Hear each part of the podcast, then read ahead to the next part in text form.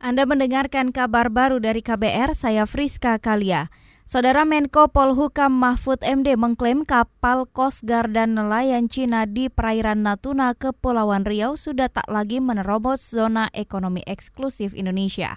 Mahfud mengatakan kapal-kapal itu sudah tidak mencuri ikan di Natuna. Jadi sekarang untuk untuk Natuna itu area yang kemarin diributkan itu sudah tidak ada lagi Guard maupun nelayan-nelayan Cina sudah keluar. Sekarang tidak akan ribut-ribut lagi soal pelanggaran hak berdaulat karena nampaknya sudah sekurang-kurangnya kapal-kapal yang tidak menghidupkan AIS-nya eh, apa namanya automatic identification system.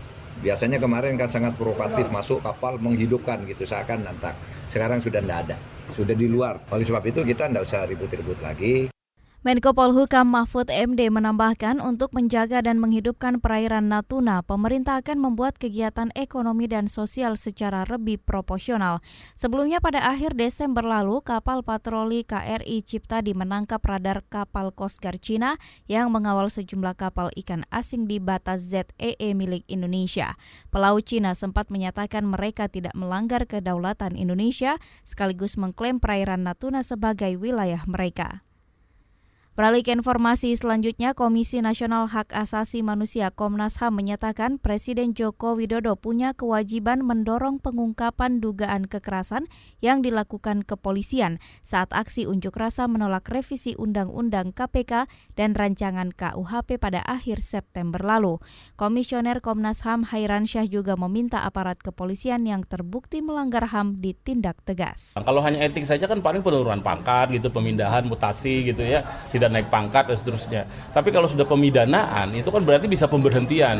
Dan kalau itu terjadi misalkan dilakukan, maka efek jerahnya, di tren efeknya itu akan sangat tinggi. Maka pengulangan peristiwa yang sama, pelanggaran hak asasi manusia yang sama itu diharapkan tidak terjadi lagi.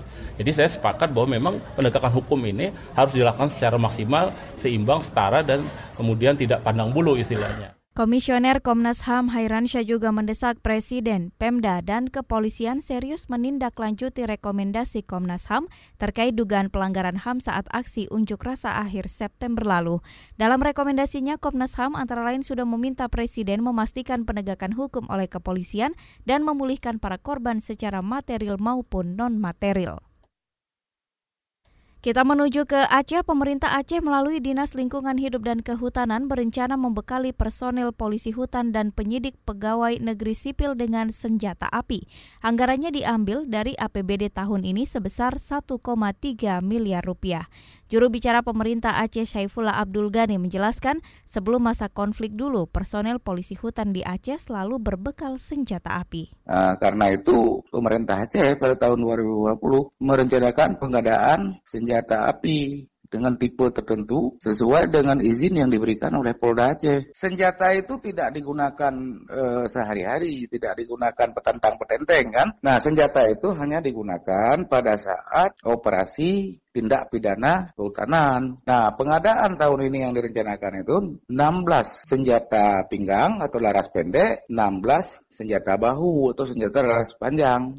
Juru bicara pemerintah Aceh Saifullah Abdul Ghani menambahkan anggaran senilai 1,3 miliar itu nantinya bukan hanya untuk membeli 32 senjata api tapi juga amunisi, brankas dan gudang penyimpanan.